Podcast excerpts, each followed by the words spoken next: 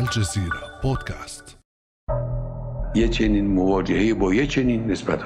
بعض من تقدموا بطلبات ترشحهم للانتخابات تعرضوا للإجحاف والظلم خلال مرحلة تأييد أهليتهم. أطالب الأجهزة المعنية بإعادة الاعتبار لمن وقع في حقهم الإجحاف بناء على تقارير ثبت أنها غير واقعية وغير حقيقية وأنه من الضروري أن يتم التعويض عن ذلك.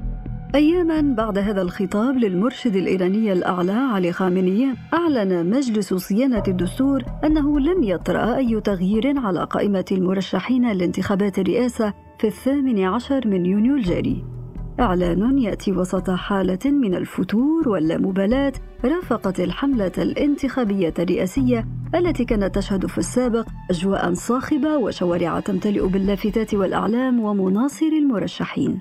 في الأثناء تشير التوقعات إلى أن نسبة المشاركة في التصويت قد تصل إلى أقل من 30%. فكيف يبدو المشهد السياسي الإيراني قبل الانتخابات الرئاسية؟ وأي المرشحين يبدو الأوفر حظاً بالفوز؟ وما التداعيات المحتملة لنتائج هذه الانتخابات على المستويين الداخلي والخارجي؟ بعد أمس من الجزيرة بودكاست أنا خديجة بن جنة.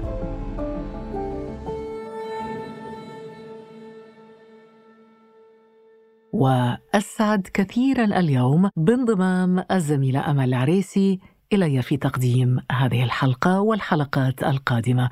أهلا بك أمال. أهلا بك يا أم رامي وأنا أسعد. أه، أمل بالمناسبة أنت منتجة هذه الحلقة. نعم. من ضيفك أو ضيفتك في هذه الحلقة أمال؟ ضيفتنا أم رامي هي الدكتورة فاطمة سمادي الباحثة الأولى المتخصصة في الشأن الإيراني بمركز الجزيرة للدراسات وهي صديقة البرنامج. نعم بالطبع دكتورة فاطمة سمادي من أصدقاء البرنامج واستضفناها كثيرا كثيرا في حلقات عن إيران والشأن الإيراني. إذا أترك لك آه، أمال الميكروفون وللدكتورة فاطمة الصمادي بالتوفيق. شكرا لك. أهلا بك دكتورة فاطمة. أهلا وسهلا. يسعدني دائما أن تكوني معنا. ويسعدني ذلك أيضا. في البداية دكتورة فاطمة لنوضح ما هي الأسباب التي تجعل هذه الانتخابات مختلفة عن سابقاتها. مجموعة من الأسباب. لا يمكن أن نقول أن هناك سبب واحد. هناك أسباب تتعلق بالساحة الداخلية الإيرانية. هناك أسباب تتعلق بالسياسة الخارجية الإيرانية علاقات إيران الخارجية. هناك بعض الأسباب تتعلق بشعارات الثورة نفسها التي طرحت في بدايات الثورة وأكملت الثورة عقدها الرابع. هناك أسئلة كثيرة تثار بشأن مدى تحقق هذه الشعارات التي التي كانت تعد الإيرانيين في جزء منها بالرخاء. فهذه مجموعة من الأسباب التي تجعل هذه الانتخابات تحد كبير. فنحن نتحدث عن ساحة سياسية داخلية فيها صراع واضح الصراع على شكل إيران في المستقبل وذلك لا يمكن ربطه بهذه الانتخابات فقط. بل يمكن أن نقول أن أقوى مؤشراته كانت بالخلاف الذي نشأ بين آية الله خامنئي نفسه وصديقه في الثورة والحكم. اليوم آية الله رفسنجاني وهي الخلافات التي قادت إلى ما يشبه القطيعة وإقصاء سياسي لرفسنجاني ما يشبه الإقصاء السياسي من الساحة. هذا كان في جزء منه خلاف على شكل إيران في المستقبل وإلى أين تتجه إيران؟ هذه الانتخابات في جزء منها هي صراع على وجه إيران في المستقبل. لذلك قرارات مجلس صيانة الدستور باستبعاد مرشحين لا تخرج من هذا الإطار فيما يشبه الصراع السياسي السياسي الداخلي في إيران. على الصعيد الخارجي نحن نتحدث عن اتفاق نووي تعثر بشكل كبير. نحن نتحدث عن حالة من الأزمة الاقتصادية المتصاعدة. عقوبات فعلت فعلها في المجتمع الإيراني. وعود كثيرة أطلقها روحاني في 2013 والدورة الرئاسية الثانية وفشل في تحقيقها بفعل فشل الاتفاق النووي بشكل كبير. رهان على الغرب لم يتحقق. عودة إلى التفاوض. التفاوض. نحن نتحدث أيضا عن أسئلة كثيرة بشأن الدور الإقليمي لإيران ونفوذها الإقليمي. لذلك هذه القضايا مجتمعة تجعل من هذه الانتخابات تحد كبير بالنسبة لإيران. من بين الأسباب التي أشرت إليها دكتورة فاطمة استبعاد بعض المرشحين الإصلاحيين. فمن هي القوى المتنافسة في هذه الانتخابات؟ بشكل أساسي نحن نتحدث عن التيار الأصولي. مرشحي التيار الأصولي هم الغالبية من بين مرشحي الرئاسة. آه، هناك أناس بخلفيات إصلاحية معتدلة مثل رئيس البنك المركزي همتي.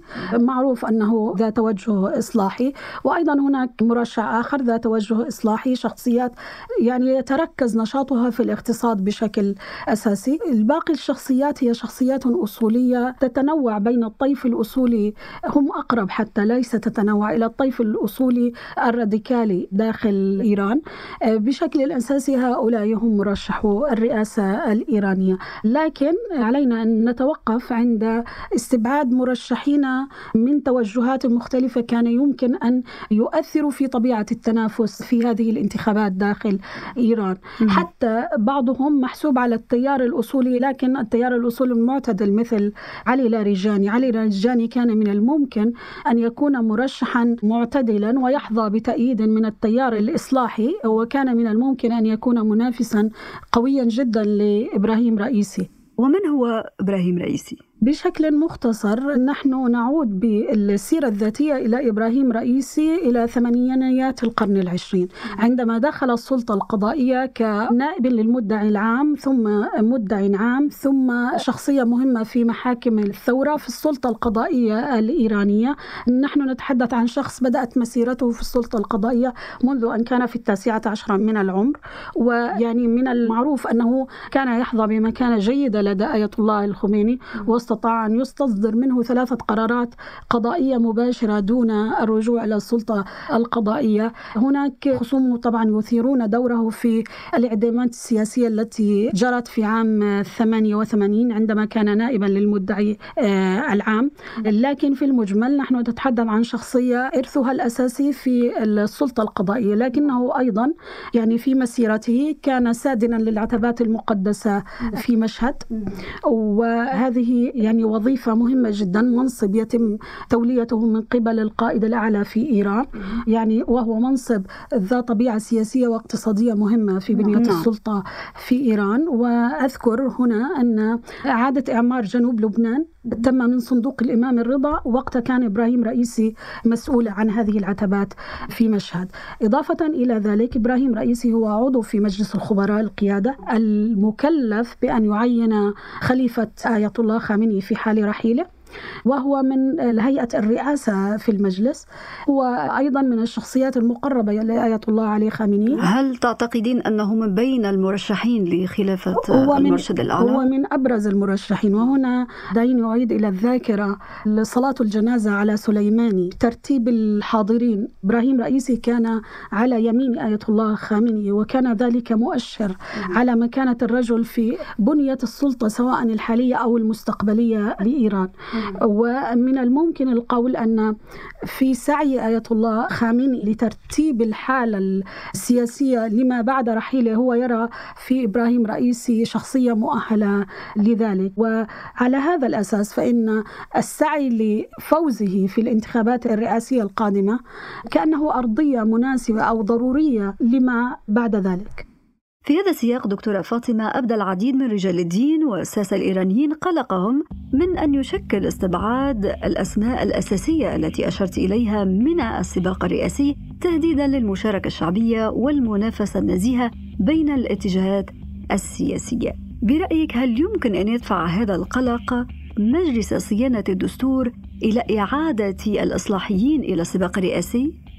بعض التحليلات رأت في حديث خامنئي عن أن بعض الاتهامات لم تكن منصفة. رأت أنه إشارة لمجلس صيانة الدستور ليراجع قراراته لكن لا أعتقد ذلك. مجلس صيانة الدستور أصدر بيانا قال أنه استند على معلومات لا تتضمن هذه الاتهامات عندما أصدر قراره بشأن أهلية المرشحين. المسألة الأخرى أن آية الله خامنئي كان من الممكن أن يلجأ إلى ما يسمى في الفارسية الرئاسية بحكم حكومته يعني أن يصدر قرارا من قبله باعتماد ترشيح بعض المرشحين مثل علي لاريجاني. وهذا لم يحدث كان من الممكن أن يحدث ذلك في فترة مبكرة. المسألة الأخرى أن خامنئي على الدوام كان يؤكد على ضرورة احترام قرارات مجلس صيانة الدستور. ولذلك فلا أظن أنه قد يقدم على هذه الخطوة من باب التشكيك بقرارات مجلس صيانة الدستور. أصبح الوقت من وجهة نظري متأخرا لدخول منافسين جدد إلى حلبة المنافسة وبدأت المناظرات الرئاسية بالمرشحين المعتمدين دون تغييرات ومن يتابع الرسالة التي أرسلها لاريجاني إلى آية الله علي خامنئي نجد أنه أيضا هو لم يطلب بمراجعة القرار هو شكره على موقفه وكانت التصريحات بمثابة تبرئة ساحة عائلة لاريجاني من الاتهامات التي لحقت بها. على ذكر المناظرات دكتورة فاطمة ما هي أبرز النقاط التي ركز عليها المرشحون في برامجهم الانتخابية؟ هناك ملمح بارز في المناظرات التي جرت إلى اليوم وهي تبادل اتهامات بالمسؤولية عن الحالة الاقتصادية في إيران. وهذا دليل عن أن الوضع الاقتصادي هو وضع ملح جدا أصبح بالنسبة لكافة المرشحين.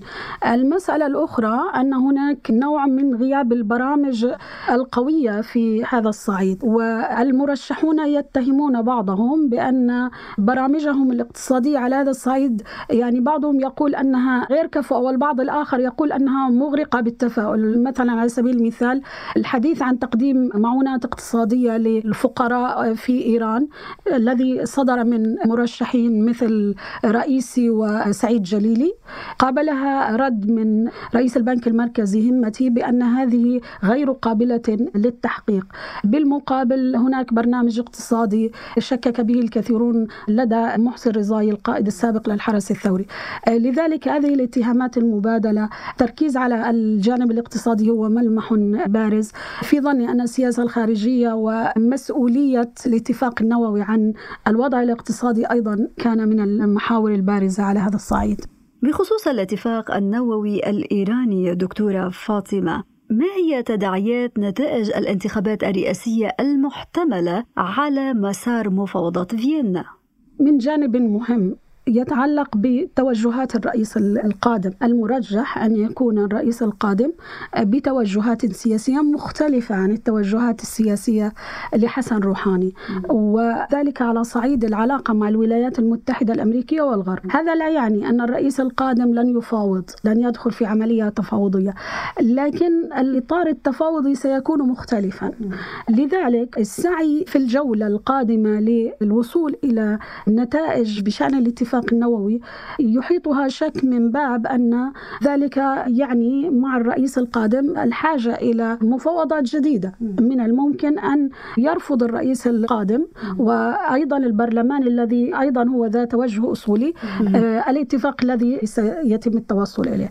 لكن أيضا من جانب آخر هناك وجهة نظر تقول أنه الأفضل استباق مجيء الرئيس القادم والوصول إلى اتفاق يعني انتهاز فرصة وجود حسن روحاني في السلطة لأنه ليس من المعروف ماذا يمكن أن يكون التوجه السياسي مع الرئيس القادم. آه على أي حال إذا تم التوصل إلى اتفاق فذلك يعني أن ثمار هذا الاتفاق سيجنيها الرئيس القادم وليس إدارة حسن روحاني.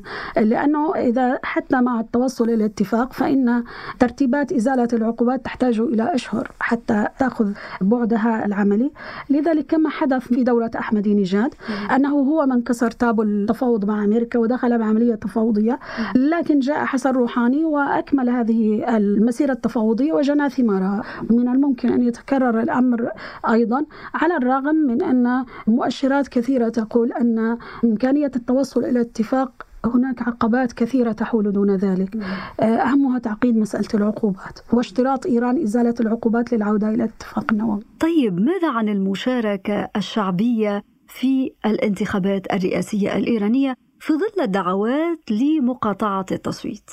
المشاركة الشعبية في الانتخابات كانت دائما ترتبط بشكل كبير بالساحة الداخلية الإيرانية مجريات الساحة الداخلية الإيرانية. العزوف عن المشاركة في هذه الدورة لا يرتبط فقط بعدم التأييد ترشح الإصلاحيين.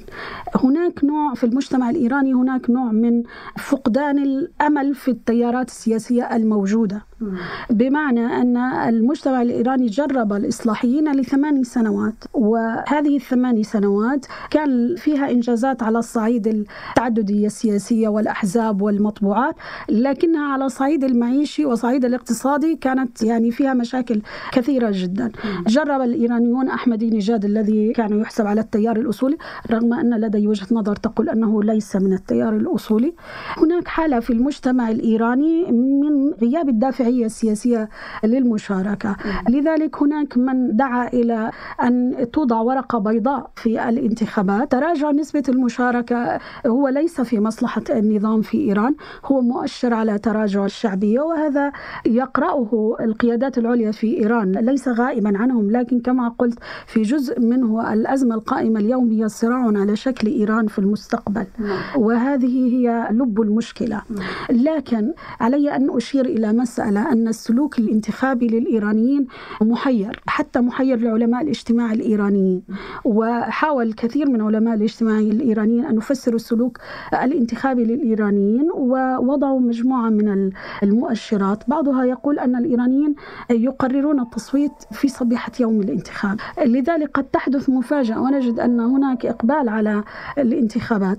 لكن بالمؤشرات التي نقرأها في الساحة حاليا فهي ستكون مشابهة للانتخابات البرلمانية التي جرت في فبراير 2020 نسبة المشاركة كانت منخفضة إلى الأخفض في تاريخ الجمهورية الإسلامية. ولذلك المؤشرات الواقعية الحالية يقول أن المسألة ستكون مشابهة. سباق الانتخابات الرئاسية دكتورة فاطمة قد يحمل مفاجآت على مستوى الإقبال على التصويت كما ذكرت وأيضا قد يحمل مفاجآت أخرى بخصوص مشاركة الإصلاحيين في صناعة مستقبل إيران وهذه كلمة أقتبسها منك شكرا لك على هذه المشاركة القيمة.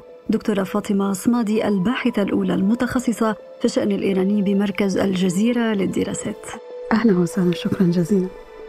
كان هذا بعد أمس.